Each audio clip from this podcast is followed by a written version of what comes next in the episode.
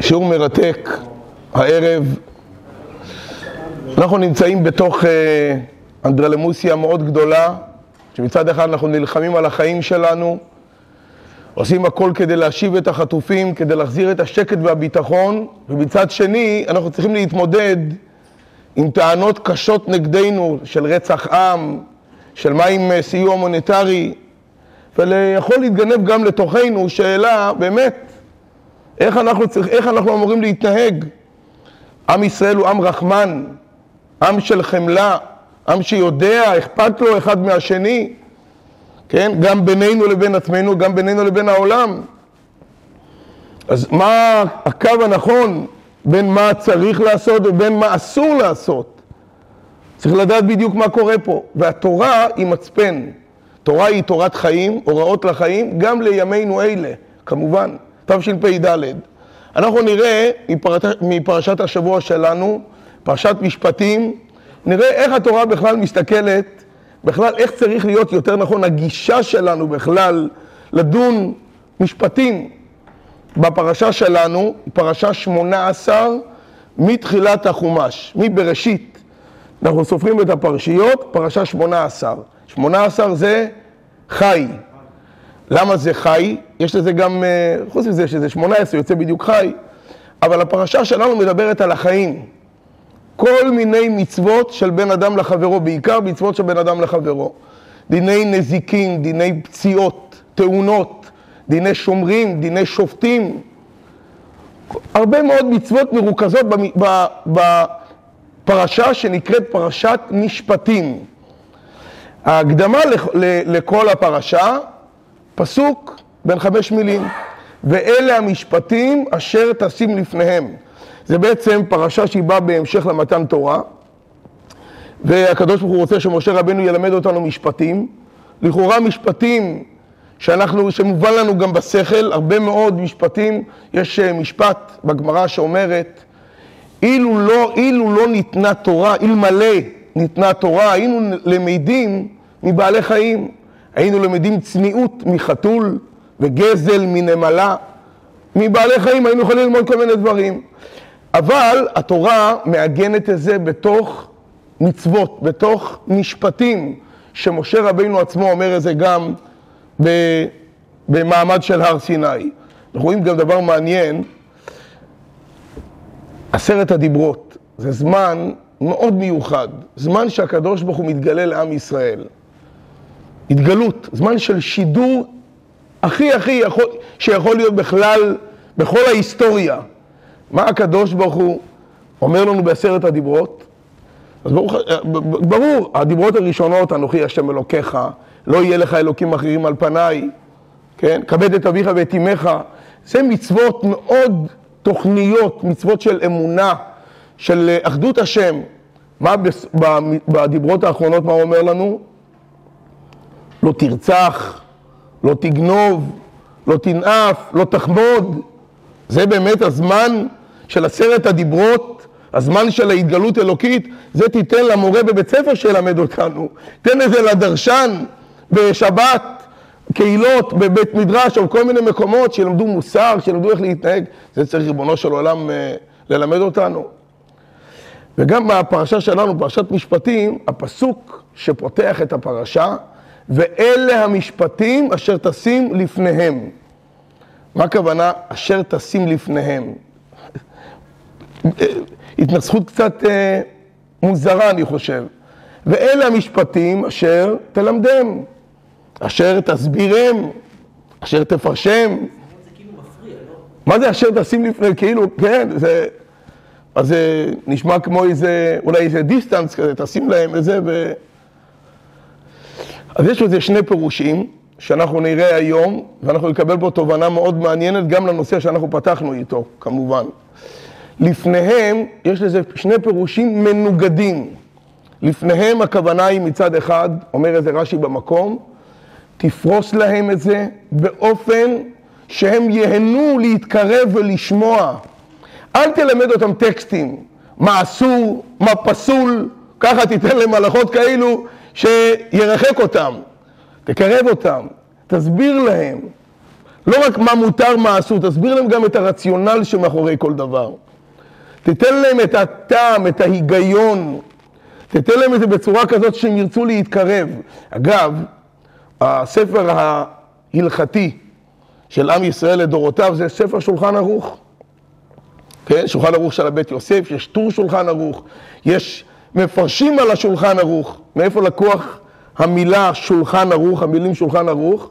מפרשת השבוע שלנו. רש"י אומר, אשר תשים לפניהם, תפרוש להם את זה כשולחן הערוך שמוכן לפני, לאכול לפני האדם, שהאדם רוצה, שהאדם מתקרב לשולחן, כן? רבי שלמה שמכינים שולחן לברכות, לכיבודים, סעודה שלישית או משהו כזה, מכינים שולחן, אנשים עוברים ליד השולחן, זה עושה להם שהם רוצים לבוא להתקרב. אומר הקדוש ברוך הוא למשה רבינו, אני רוצה שאתה מלמד אותם תורה, ולא רק משה רבינו, כל מי שילמד במשך הדורות. אלה המשפטים אשר תשים לפניהם. אל תגיד להם רק בקודים, בצורה הזאת כזאת שהם ידעו, אבל לא יתחברו. תיתן להם את זה באופן שהם יבינו, שהם ירצו ללמוד, ירצו לשמוע, זה יגרה אותם. זה, זה פירוש אחד, כן? לפניהם זה גם, באותו רעיון, לפניהם, לפניהם זה גם, יש לזה את המילה של הפנים. תיתן להם את זה במאור פנים, תיתן להם את זה. לפניהם, תיתן להם את זה במאור פנים. בהערה, בשמחה, בחביבות, בנעימות. זה פירוש אחד. הפירוש השני אומר, לפניהם זה קשוח. קשוח מאוד. לפניהם ולא לפני עובדי אלילים. כלומר, צריך להיות לפניהם, באלה המשפטים אשר תשים לפניהם, המשפטים, הדיונים, התדיינויות שיש בין אחד לשני, צריך להביא לפני דייני ישראל, ולא לפני דייני אומות העולם. נשאלת השאלה, אני שואל אתכם, תאר לעצמנו שבן אדם יש לו דיון עם חבר, עם שכן, כן, על uh, שטח. השטח היה פתוח, לא היה גדר, הרגישו כל אחד פתוח עם השני, האמינו אחד בשני. יום אחד הבן גדל ועשה מה שהוא רוצה, קיבל את הנכס מההורים והזיז את הגדר, הופ, לתוך ה... זה, וטשטש את המקום, הכל נראה בסדר, מסודר, אותם דברים שהיו קודם, רק מטר אחד בפנים, בתוך החצר, בתוך השטח של השכן.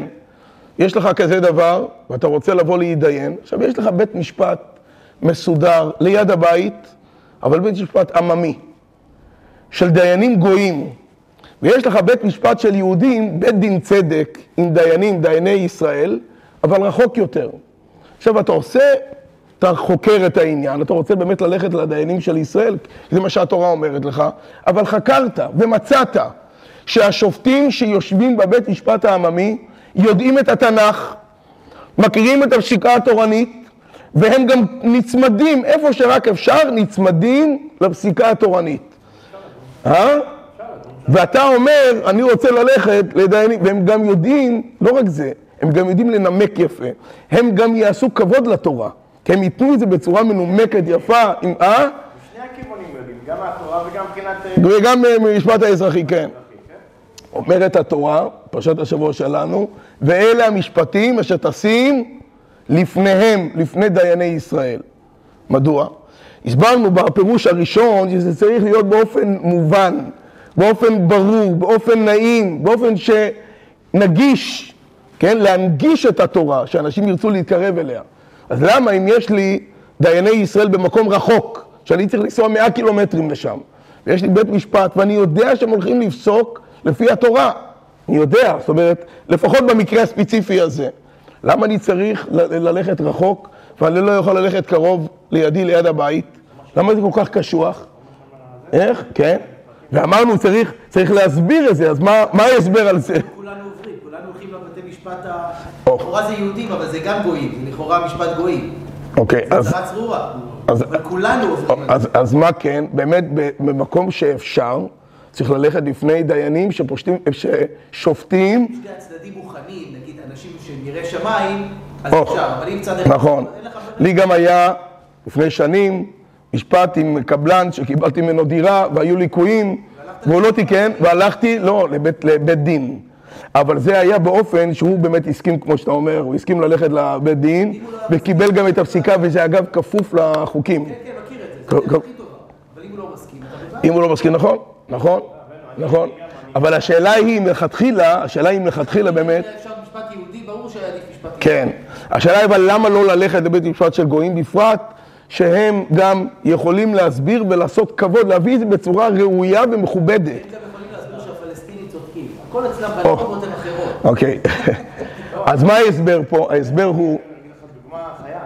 אני גם, היה לי מקרה עם לקוח שלי, שהוא שומר מצוות, והיה לי תביעה איתו, הלך איתו לבית דין, רבני. כן. בחדרה, אבל כשבא, כשהבית דין עצמו הביא איש שלו להסביר על, על המהות, ראיתי שהבן אדם לא מבין כלום בכלל. הוא מדבר בכלל, ב, ב, ב, לא בשפה שלנו. אוקיי, אז במקרים, אז במקרים, במקרים שזה לא זה, אז זה, זה צריך לשאול רב בנפרד לכל אה, מקרה לגופו של עניין, אבל למה צריך, למה, למה, לא- למה אני לא יכול ללכת לבית משפט עממי, פדרלי, ללכת ולהתדיין שם? למה? כי זה כלל מאוד חשוב פה, בכל העניין הזה של, וזה הפסוק שמקדים את כל הפרשה כולה. במילה הראשונה של הפרשה, ואלה המשפטים, אומר רש"י במקום, מה הראשונים מסיני, אף אלו מסיני. כמו שקיבלת את אנוכי השם אלוקיך, בהתגלות האלוקית, שהוא אמר לך בקולות וברקים, אז ככה גם אלו מסיני, עם הקדושה של סיני, עם המעמד של הר סיני. לכן גם, זה- זאת הסיבה שהקדוש ברוך הוא הכניס את לא תרצח ולא תגנוב ולא תחמוד, הוא הכניס את בתוך עשרת הדיברות. כי יכול להיות מצב שההיגיון האנושי יגיד במקרים מסוימים, מותר לך, כן? מותר לך לגנוב.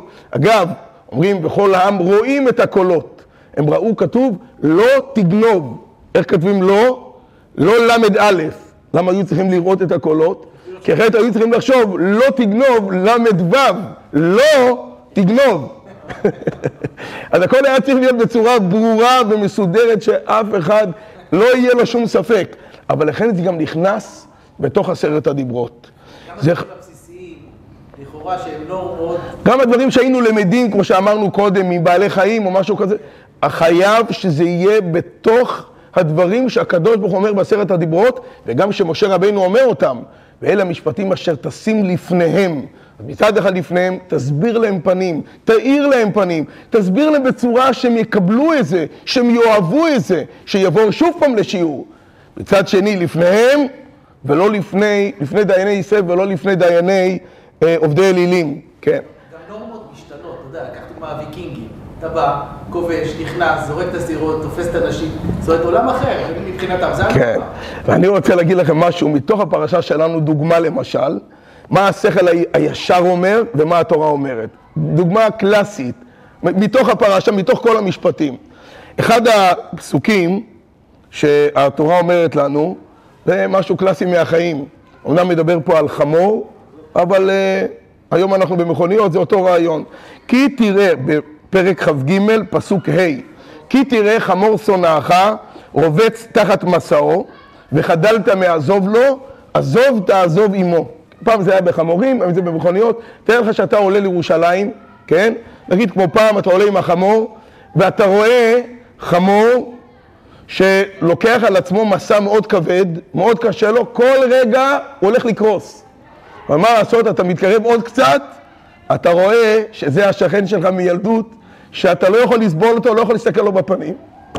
אומרת התורה, כי תראה, לכן היא מביאה את הדוגמה, כי תראה חמור שונאך, רובץ תחת מסור וחדלת מעזוב לו, עזוב תעזוב עמו. מה זה עזוב? זה, עזוב זה לעזור, כן. איך אנחנו, בברכת המזון יש כאלה שמוסיפים את הפסוק, ולא ראיתי צדיק נעזב, זרעו מבקש לחם, כן, נעזב. לא, עזוב, עזוב זה מלשון עזרה. יש אה, עזוב עזיבה, עזוב גם מלשון של עזרה. כן, לא, ב- ב- בפסוק הזה זה שונה. על כל פנים, עזוב תעזוב עמו. אגב, מה זה עזוב תעזוב? איך? כן. כן. אה, מפני דרכי שלום צריך לעזור לגויים, צריך לעזור לכולם. מפני דרכי שלום. כל פנים, מה זה עזוב תעזוב עמו אגב? זה בתוך ה... שלא יהיה מצב שהוא אומר לך, יש לך מצווה, בוא תעשה אותה, אני יושב בצד, אני אנוח בינתיים. עמו. עמו ביחד, אם הוא משתף איתך פעולה, אתה עוזר איתו ביחד. זה כתוב בבסיס ההלכה בפרשת השבוע שלנו, זה מובא אגב גם בפרשת כי תצא. כן, ככה אומרת לנו התורה. זה, זה נראה לי משהו שאנשים לא מסוגלים לקיים. זה אולי מצווה שאתה יודע, סוג דבר, דבר, אם זה ברמת שונא שלך, לא יודע אם מישהו היה לו שונא, זה אירוע שאתה לא מסוגל לעזור לו. או, אז בוא, בוא תראה, בוא תראה איך התורה מטפלת בעניין הזה. עכשיו, זה מה שכתוב בבסיס ההל- ההלכה הפשוטה פה, כמו שאמרנו פה בפרשת השבוע, בתורה שבכתב. בתורה שבעל פה, לך נניח מישהו לצורך העניין הטריד מינית את הבת שלך, יהודי, ועכשיו אתה רואה אותו בעזרה, קיצוני כזה, לקחתי אותך, אתה מסוגל לעזור לו? ההלכה אומרת שכן. אז, אז הבנתי, לקחתי אותך לאזור שאתה לא מסוגל. ההלכה אומרת שצריך לעזור, מה לעשות? איך? ההלכה אומרת. זה כמו שלא הסתדר לי עם, ה, עם העבד, הביא לך, הביא לך אישה, ראיתי את זה בדיוק היום בבוקר. אם ירדו לך ילדים, אתה יכול ללכת, הילדים נשארים. אל זה- זה- תעזור לו, תעזור לחמור. לא, לא. לא, אז זה בדיוק העניין. הפריע לי האירוע הזה. זה... אה, שהחברת מה שהוא אומר, אתה לא עוזר לו, אתה עוזר לחמור. דרך אגב, זה יותר מסתדר. או, אבל, אבל הרעיון הוא גם, הרעיון הוא, הרעיון הוא שזה בדיוק איפה שמתנגש ההיגיון שלי עם התורה. אבל אני רוצה להביא את זה בצורה יותר קיצונית. שנייה. זה בתורה שבכתב, בתורה שבעל פה מובא בהרחבה יותר. מה קורה, פגשת לא חמור אחד, פגשת שני חמורים. שניהם התעייפו. אבל אחד התעייף עם המסע עליו, אחד התעייף אחרי שהמסע כבר נפל. אחרי שהמסע כבר אה, ירד ממנו. לזה אתה צריך לפרוק ממנו, זה אתה צריך להטעין עליו. למי אתה צריך לעזור ראשון? לפרק. למה? אז ההלכה כותבת בגלל צער בעלי חיים.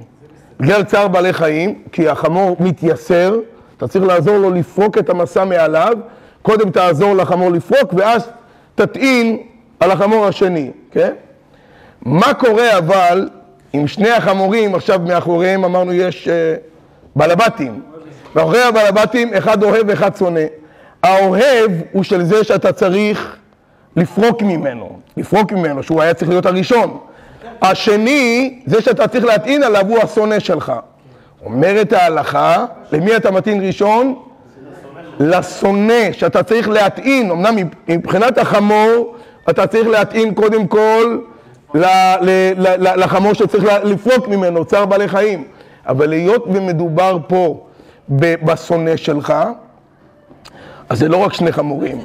אז אולי, אה, שנייה, שנייה אחת. אז, אז זה, לא, זה לא שני חמורים, יש פה גוף שלישי. מי הגוף השלישי? חמור זה גם מלשון של חומר. אתה, גם החומר שלך, שלך, שלנו, אישית, כבר גם נוכח פה. התורה רוצה שתטפל בחומר שלך, בחמור הפנימי שלך. איך אתה מטפל? ביצר שלך.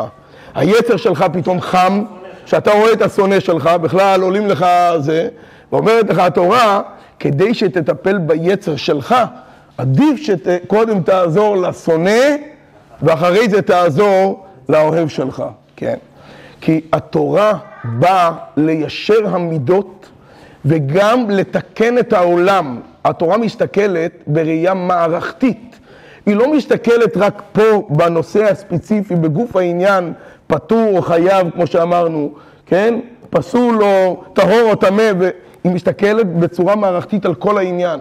העולם, התורה ניתנה כדי לעשות סדר, כדי להביא ליישוב לתיקון העולם. איך? אתה צודק, שאם אני אעשה את זה, המידות שלי ישתפרו. אין ספק. אם אני רוצה, אם אתה אומר איך אתה מגיע להיות אדם יותר מזוקק, מזוקק, אז זה הדרך. פשוט זה מאוד קשה. נכון? על זה כתוב, על זה כתוב, זה חשוב מאוד, הזכרת לי את הנקודה הזאת, אדם לעמל יולד. יש עמל פיזי ויש עמל נפשי. עמל פיזי, כולנו יודעים, כדי להביא פרנסה צריכים להתייגע. יש עמל נפשי עם המידות שלנו, עם היצרים שלנו, עם, ה, עם הפנימיות שלנו, זה אנחנו צריכים לעבוד. ופה, למה הקדוש ברוך הוא מזמן לנו את האתגר? אנחנו מאמינים בהשגחה פרטית. למה הוא מזמן לנו את האתגר הזה? באמת כדי שאנחנו נוכל לעבוד, למצוא את ההזדמנות הזאת ולעבוד על עצמנו, כמו אדם בשעת כעס. למה מביאים אותו למצב כזה? למצב שהוא יכול לכעוס חס וחלילה? כדי לרסן את עצמו, כדי ל... וזה זה המשפט של התורה, וזה משפטים שניתנו בסיני. אני יכול להביא גם דוגמה הפוכה. תסביר לי את הקטע עם האישה. אם אם כאילו, הוא נתן לאישה הבעלים שלו, ועכשיו הוא משחרר אותו, אז זה אחרי כן, אנחנו, כן, אנחנו פה בתוך זמן של אה, שידור. אה, זה לייב כרגע? לא, לא, כרגע לא אולי, כן. פעמים הבאות אולי. על כל פנים, אז זה העניין הזה שהתורה באה לעשות סדר, והמצוות הן מצוות אלוקיות. והטעם שלהם, הקדוש ברוך הוא רוצה שאנחנו נלמד אותם, שאנחנו נתחבר אליהם, שהשכל שלנו יבין את, ה, את, ה, את ההיגיון האלוקי. אבל הכל מבוסס על ההיגיון האלוקי. אנחנו צריכים ליישר קו עם ההיגיון האלוקי. וככה הדברים הם שונים לגמרי. הרבי מביא, רציתי להביא עוד דוגמה הפוכה, אבל בשיעור אחר בעזרת השם. הרבי מביא דוגמה מאוד מעניינת, כואבת גם, כואבת מאוד. הוא אומר שהוא זוכר שבזמן המלחמה, בזמן של המלח... מלחמת העולם השנייה, שהנאצים, הגרמנים יימח שמם, הם היו מצטיירים בעולם כאנשים מאוד הומניים, מאוד אה, עזרה וחמלה, ואז הם אמרו שאוי ואבוי אם מישהו ייתפס שהוא מתעלל בחתולה שלו, או לא, נות, לא נותן את המזון לכלב שלו בזמן, או משהו כזה, אוי ואבוי. ייקחו אותו לבית סוהר, למעצר ייקחו אותו, לבית סוהר, ואת בעל החי ייקחו לפנסיון, וישקו אותו וייתנו לו, וכן, יקבל שיקום. בית חולים לשיקום בעלי חיים, ומה אם האדם באותו זמן יקבל את העונש שלו. זה, בוא נאמר שאפשר אולי להבין את זה, שאסור להתעלל בבעלי חיים, צער בעלי חיים, דיברנו על זה קודם. אבל באותו הזמן, באותו הזמן הרוע הכי גדול היה של הגרמנים שהם טבחו ורצחו ילדים, נשים, נשים ומבוגרים על לא עוול בכפם. ריבונו של עולם, אותו בן אדם, אותו בן אדם שמדבר על הומניות, מדבר על, על חיים, מדבר על בעלי חיים, על, על, על רגש, על רחמנות. מה אתם עושים באותו הזמן? רוצחים וטובחים. איך זה יכול להיות דבר כזה?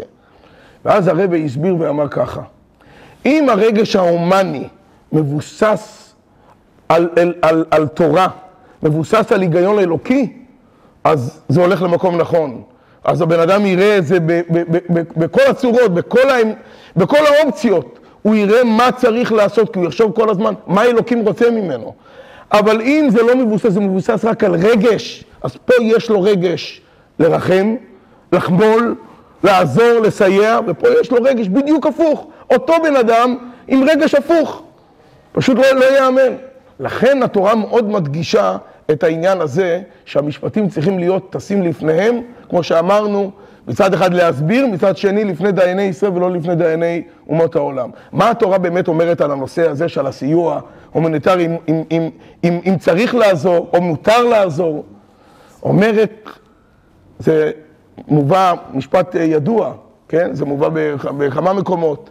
כל המרחם על אכזרים, סופו להתאכזר על רחמנים.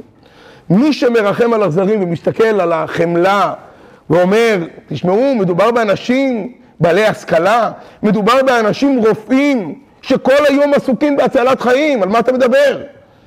אבל אם אתה מסתכל קצת מעבר למה שהתמונה החיצונית אומרת, אתה רואה שמדובר באנשים שהם שותפים לפשע, אנשים שהם שותפים באופן אקטיבי, באופן ישיר, באופן עקיף, באופן כזה שמעודדים אולי אפילו, בוא נאמר שהם לא, לא, הם לא שותפים, אבל מעודדים. ריבונו של עולם, כן, אז אתה יכול לרחם במקרה כזה? כל המרחם על אכזרים, סופו להתאכזר על רחמנים. ואנחנו, לצערנו הגדול, נמצאים במציאות כזאת, שבמשך שנים אפשרנו, כולנו, אם לא, לא איבדנו אפילו כל מחאה, אז באיזשהו מקום אפשרנו דבר כזה. אפשרנו להם להתחמש, ואפשרנו להם לבנות מוצבים של שיגורי טילים ומנהרות וכל הדברים האלו, שזה בעצם נגדנו. ריחנו עליהם והתאכזרנו על כל אלה שנמצאים בסביבה שלהם. אז לכן התורה מאפסת אותנו ואומרת לנו, תזכרו, משפטים זה מצוות של בן אדם לחברו. משפטים זה מצוות מובנות, שאנחנו יכולים ללמוד את זה גם מהרגש הטבעי שלנו, אבל הכל חייב להיות מבוסס על אנוכי השם אלוקיך. שזה בא מבוסס בצורה כזאת, הקדוש ברוך הוא אוהב לעשות חסדים, עולם חסד ייבנה, אבל הוא אוהב גם צדקה ומשפט. זו הברכה ה-11 בברכת, בתפילת העמידה, תפילת 18, שאנחנו מזכירים חי ברכות. הברכה המספר 11, מלך אוהב צדקה ומשפט. אוהב חסד, אבל אוהב גם צדק ויושר, תיקון ויישוב העולם.